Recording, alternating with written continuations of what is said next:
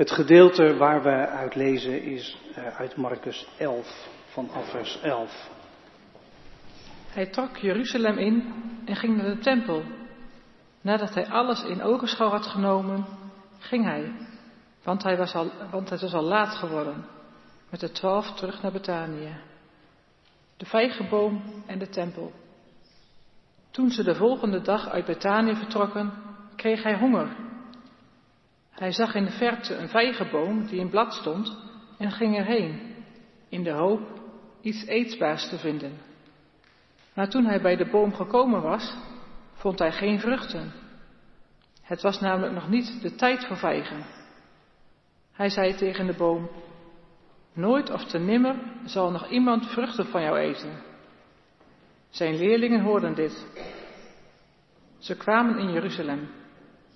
Hij ging de tempel binnen en begon iedereen die daar iets kocht of verkocht weg te jagen. Hij gooide de tafels van de geldwisselaars en de stoelen van de duivenverkopers om, omver.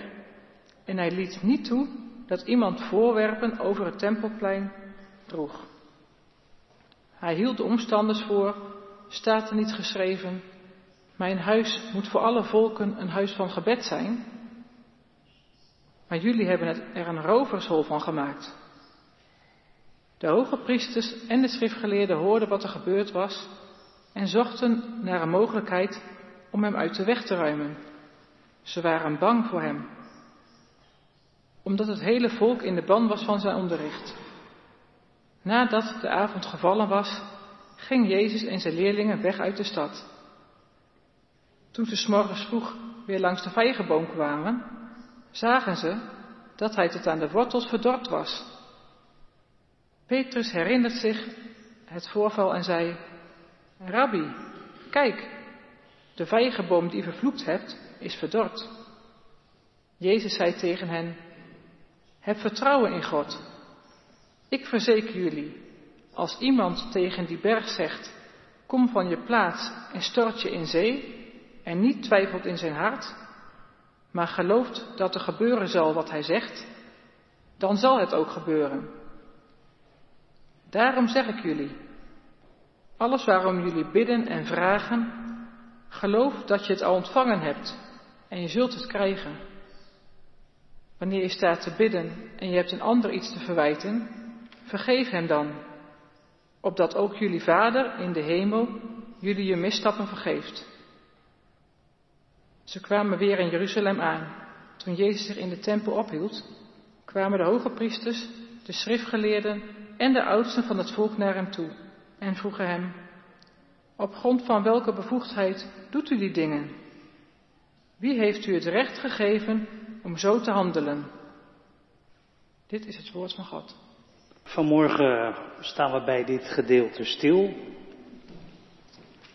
De, de tekst die uh, het, centrum vormt vanmorgen,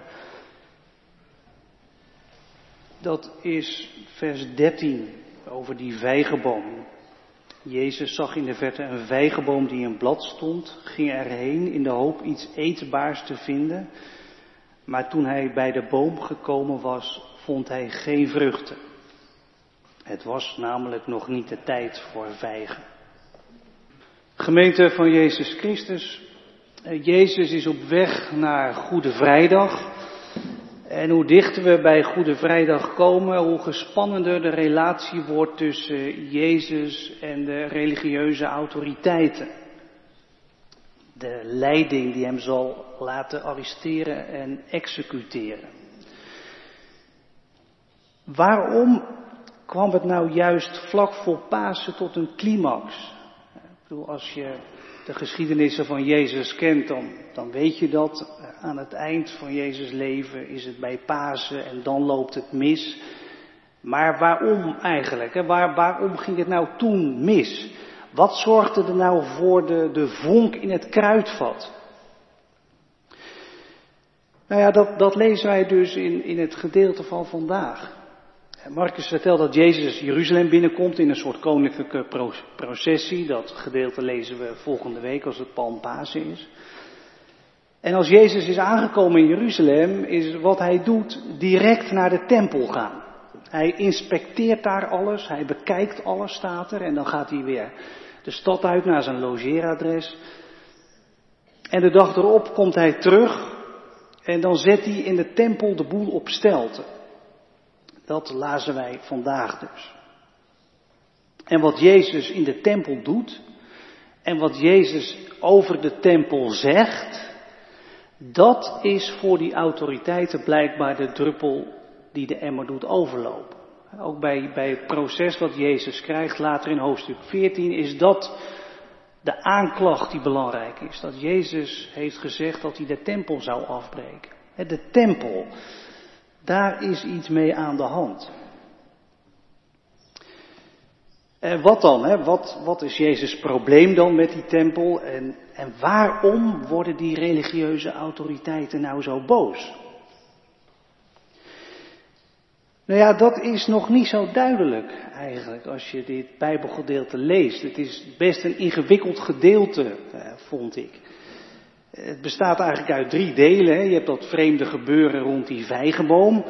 Je hebt dat optreden van Jezus in de tempel, wat, wat eigenlijk ook best raadselachtig is. Waarom gooit Jezus daar nou alles overhoop? En dan aan het eind nog zo'n ook wel raadselachtige uitspraak over bidden waarmee je een berg zou kunnen verzetten. En als je goed kijkt naar, naar al die, die stukjes en je daarin verdiept, dan kom je erachter dat het met elkaar te maken heeft allemaal. En dat het allemaal gaat over eh, Jezus' boodschap over de tempel. Dus eh, vandaag moeten we, moeten we echt even ons best doen, eh, zou je kunnen zeggen. We moeten echt die tekst induiken en, en proberen te ontdekken hoe het nou precies zit. En dat doen we niet alleen voor de interessantheid, om te weten waarom Jezus nou zo botst met die autoriteiten. We doen het ook omdat, omdat Jezus in dit gedeelte iets zegt. Tegen religieuze mensen, tegen gelovige mensen. En, en wat wij ons vandaag afvragen is, is of dat ook over ons gaat. En, en blijkbaar is het zo belangrijk wat, wat Jezus zegt over geloof, over die tempel, dat hij accepteert dat dit de laatste druppel is die de emmer doet overlopen. Dat hij accepteert dat hij zijn leven gaat geven. Zo belangrijk vindt Jezus het punt wat hij maakt. Het wordt de aanleiding voor zijn marteldood. Goed, eh, en broeders, eh, dit, dit Bijbelgedeelte dus. We gaan er eh, binnenstappen en laten we gewoon maar eens beginnen bij die vijgenboom. Wat vreemd dat Jezus eh, in de lente naar een vijgenboom stapt om daar zomervruchten te zoeken. Jezus is als Jood in Israël opgegroeid met vijgenbomen. En hij zal toch heus wel geweten hebben dat je in de lente geen zomervruchten aantreft. Is dit een soort karaktertrek van Jezus of zo? Een soort onredelijkheid, ongeduld? Met een boom die alleen maar doet wat een boom in de lente moet doen, blaadjes krijgen? Heel veel uitleggers van dit Bijbelgedeelte, die zeggen, ja wat hier gebeurt met die vijgenboom, dat is een gelijkenis. En dan niet een gelijkenis die Jezus vertelt, maar een gelijkenis die Jezus doet. Net zoals Jezus de tempel ging inspecteren en over die tempel later een oordeel uitspreekt, zo inspecteert Jezus die vijgenboom en kijkt of er vruchten zijn. En Jezus vindt niets, geen overblijfsel van de vorige oogst, geen vroegrijpe vijg van de nieuwe oogst. Jezus vindt helemaal geen vrucht, ook geen aanzet blijkbaar van nieuwe vruchten. Het is een boom met alleen maar bladeren. Een vruchteloze boom. En die vijgenboom zonder vrucht, die krijgt dus Jezus oordeel over zich heen. Jezus is dus heel kritisch naar je als je geen vrucht draagt. Dat is iets om goed te beseffen. Als jij iemand bent die Jezus volgt, of als jij iemand bent die overweegt om Jezus te gaan volgen, dan moet je dat dus wel beseffen. Jezus is kritisch als je geen vrucht draagt. Goed, Jezus ziet geen vrucht. Eh, waar gaat het over? Wat voor vrucht? Waar is er geen vrucht? Jezus ziet die vijgenboom als hij op weg is van Betanië naar Jeruzalem. Komt hij over de Olijfberg heen. En daar sta je recht tegenover de Tempelberg. Je kijkt zo naar de Tempel. En Marcus heeft het verslag van wat gebeuren met die vijgenboom ook om Jezus bezoek aan de tempel heen gevouwen. Wat Jezus doet bij die vijgenboom, dat gaat over de tempel. Het oordeel over de vijgenboom zonder vrucht is het oordeel over de tempel in Jeruzalem. En het kan heel goed zijn dat, dat Jezus hiermee verwijst naar een, een oude profetentekst van 600 jaar voor Jezus uit Jeremia 8, waarin God zijn oordeel uitspreekt over Jeruzalem en over de tempel. Deze tekst, ik maai hen weg alsof ik oogst, spreekt de Heer. Er zijn geen druiven meer aan de wijnstok, geen vijgen aan de vijgenboom, de bladeren zijn verdord. Jeremia 8. Dus de vijgenboom gaat over de tempel. Nou ja, dat, dat brengt ons direct dan bij die tempel zelf. Eh, Jezus stapte daar dus binnen. En hij gaat ontzettend tekeer. Jezus legt de handel in de tempel stil. Gooit alle bedrijvigheid in de war. En, en dan citeert Jezus diezelfde profeet Jeremia. Jullie hebben een rovershol van de tempel gemaakt, zegt Jezus. En Jezus citeert nog een andere profeet, Jezaja, ook van lang geleden. God zegt, mijn huis moet een huis zijn van gebed voor alle volken. Wat, wat is hier aan de hand?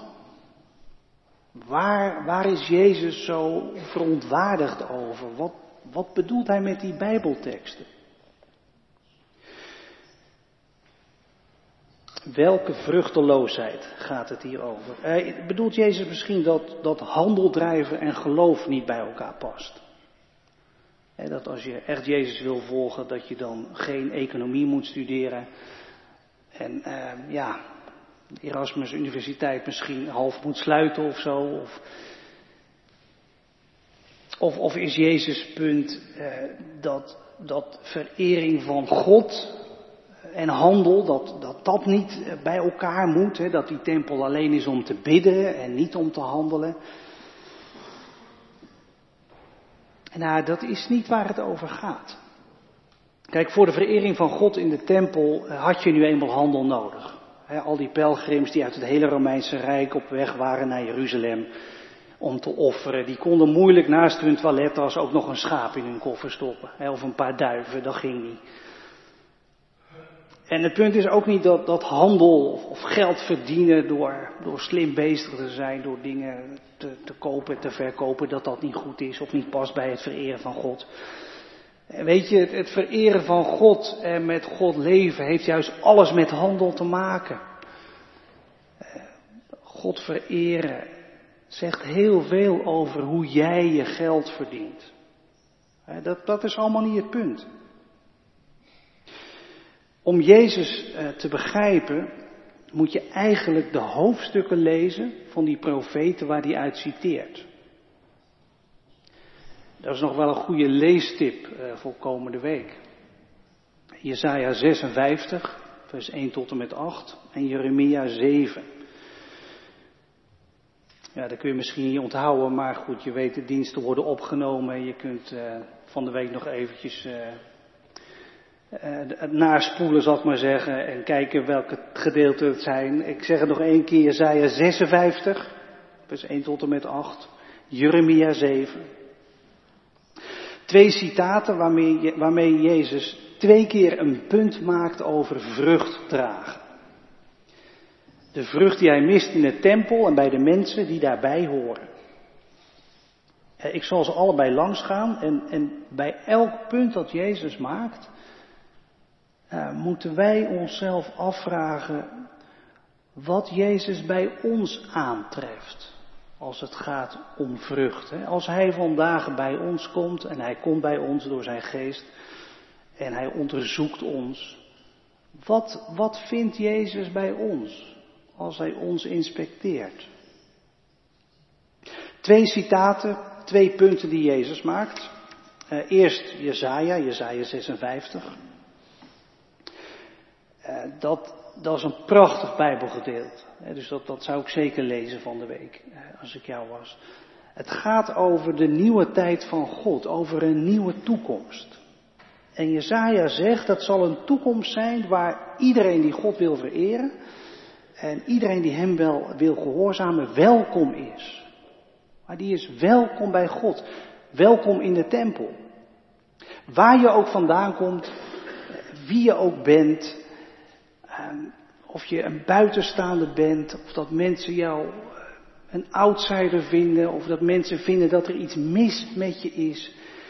Iedereen is welkom bij God. En Jezus vat dat gedeelte uit Jezaja samen met dat citaat als hij zegt dat de tempel een plaats moet zijn waar alle volken terecht moeten kunnen om te bidden. Een plek voor alle volken.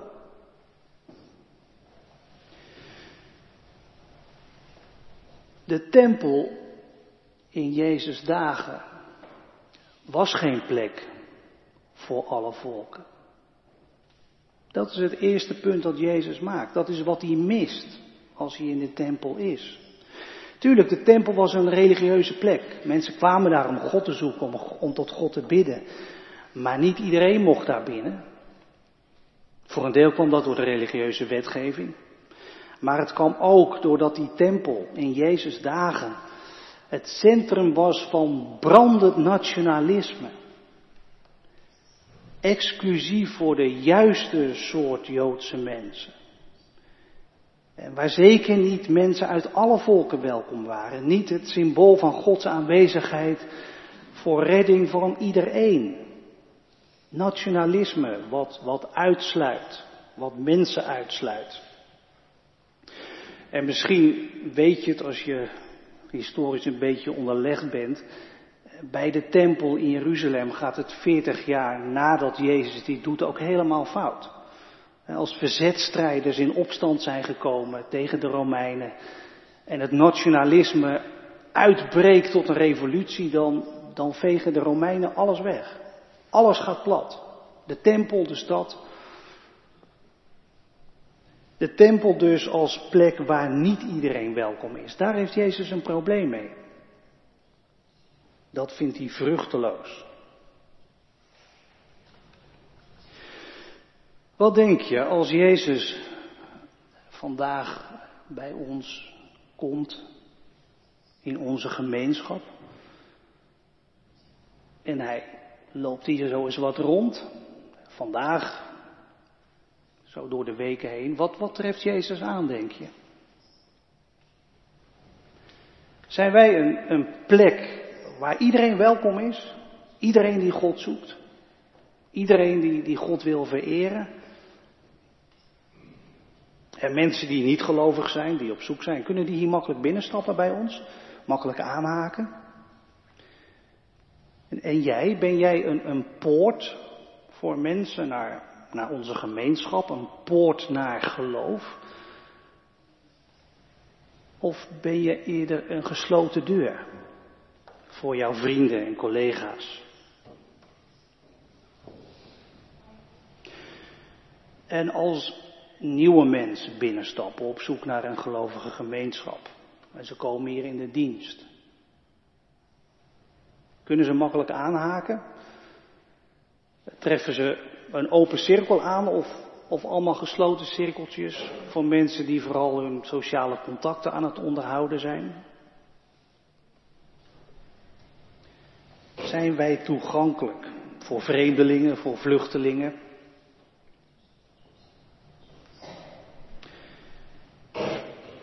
Ja, dat zijn best kritische vragen. Uh, maar dat, dat, is dus wat, wat er gebeurt in dit Bijbelgedeelte. Dat Jezus ontzettend kritisch is. En dat Jezus zijn oordeel uitspreekt over mensen die de toegang naar God blokkeren.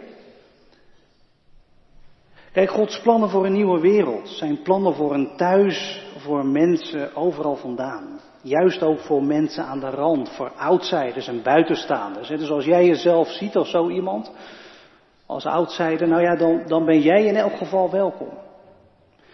Maar mensen die blokkeren, de toegang tot God blokkeren, die hebben echt een probleem. Jezus mist bij hen de goede vrucht. Nou, dat is het eerste punt wat Jezus maakt met die vijgenboom en met zijn optreden in de tempel. Toegankelijkheid voor iedereen.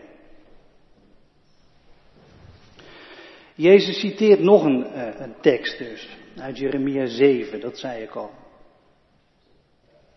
Mocht je dat van de week ook gaan lezen, Jeremia 7, over dat rovershol, dan zul je ontdekken dat, dat Jeremia 7 een ontzettend heftig hoofdstuk is. Vol van Gods oordeel over Jeruzalem, over de tempel.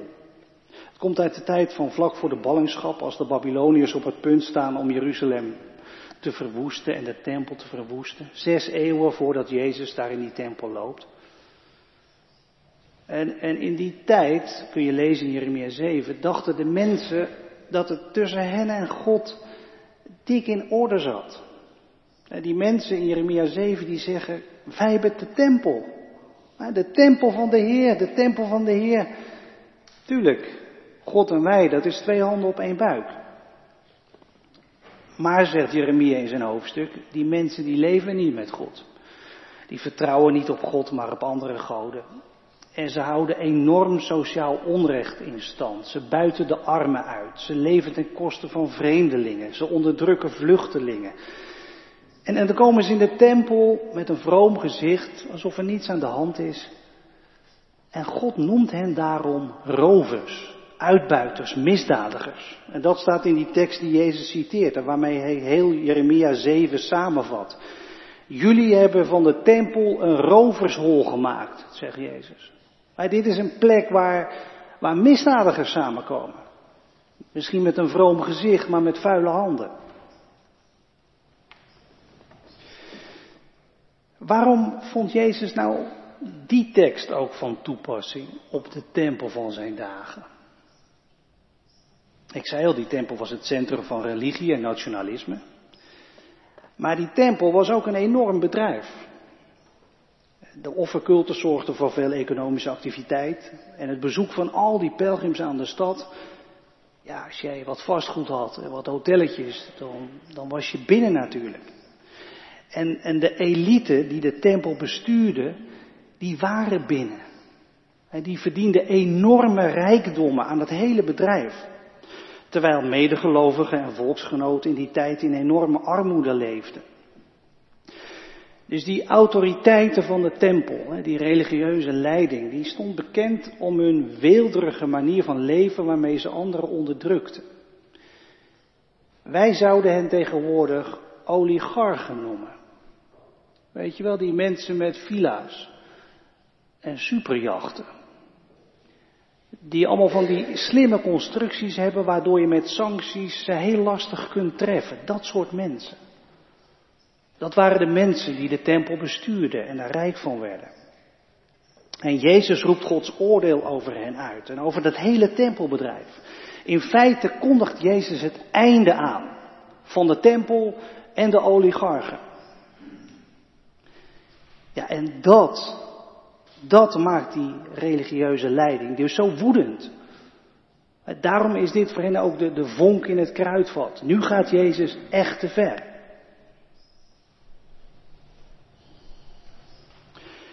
De vrucht die Jezus niet ziet, de vruchteloosheid, dat gaat dus ook over, niet alleen over uitsluiten van mensen, maar het gaat ook over, over die oligarchen, over die mensen die leven ten koste van anderen. Ja, en, en dat, dat moeten wij ons vandaag ook aantrekken, lijkt mij. Als, als Jezus bij ons hier is binnengestapt, hoe zou hij naar ons kijken? Of zou? Hoe kijkt hij naar ons, denk je? als het gaat over rovers, misdadigers en oligarchen. Jij en ik, eh, zijn wij ook een soort uh, mini-oligarchjes? Leef jij vaak ten koste van anderen? En, en, komt het vaak voor dat, dat anderen moeten wijken voor jouw ideeën en voor jouw belangen? Of, gaat dit helemaal niet over jou? Weet je, in Gods nieuwe wereld is geen plaats voor mensen die anderen opeten. En die niet naar God willen luisteren, Hem niet willen vereren. Jezus spreekt Gods oordeel uit over zulke mensen. Over oligarchen, grote en kleintjes.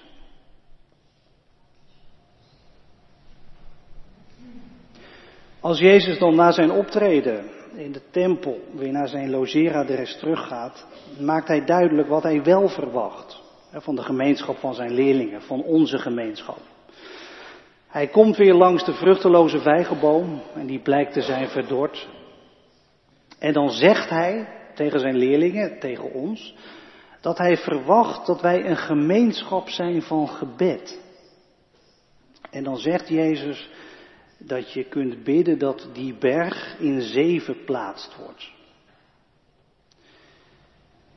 En, en ook hier moet je even heel goed opletten in dit Bijbelgedeelte wat Jezus nou bedoelt. Een biddende gemeenschap.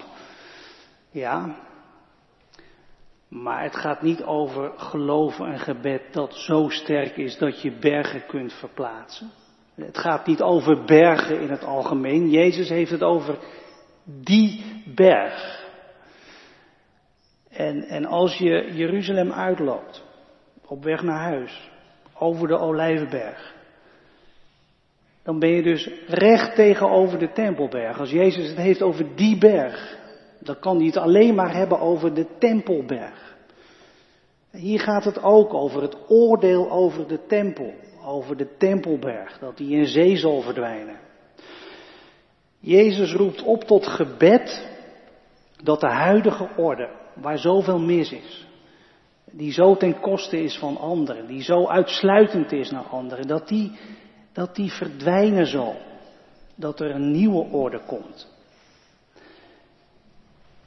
Een nieuwe orde van God, een nieuwe wereld die met Jezus begint. Jezus verwacht dat wij een gemeenschap zijn die volhardend en in geloof bidden dat die nieuwe wereld er komt. Waar er geen blokkades zijn, voor mensen om bij God te komen. Waarin er geen oligarchen zijn die anderen kapot maken. Een nieuwe wereld, daarom bidden.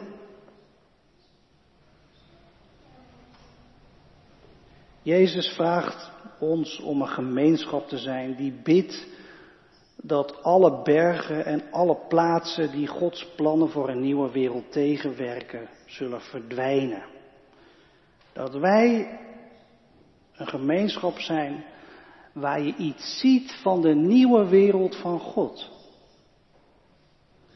En geen gemeenschap van misdadigers, van dieven, van mini-oligarchjes.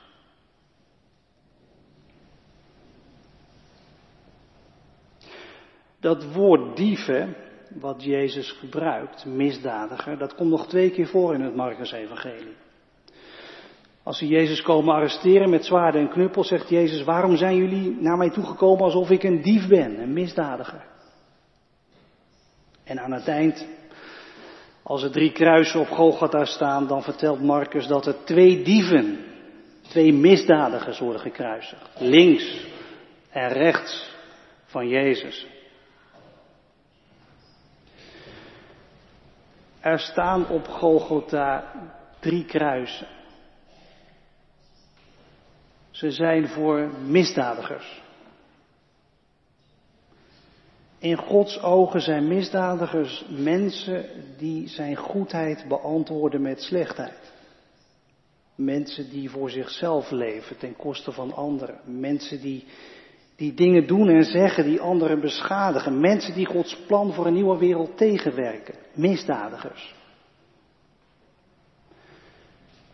Drie kruisen op Golgotha. Ze staan voor het oordeel van God over misdadigers.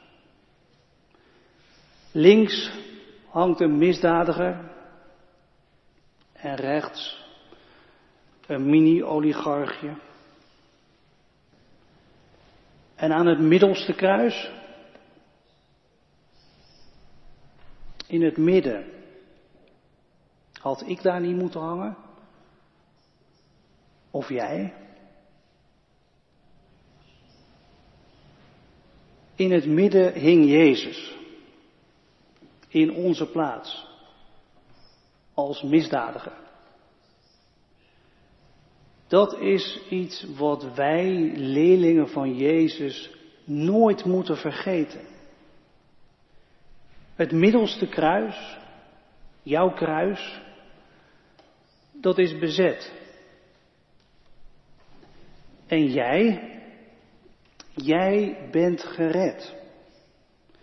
En je krijgt een nieuw leven en een nieuwe kans om te leven als een mens die vruchten draagt. Jezus geeft jou zijn leven. Hij is het licht van God gegeven. Hij is de wijnstok van het leven. En daarom blijven wij bij Hem. En bij Hem dragen we vrucht. Vruchten van Gods nieuwe wereld. Amen.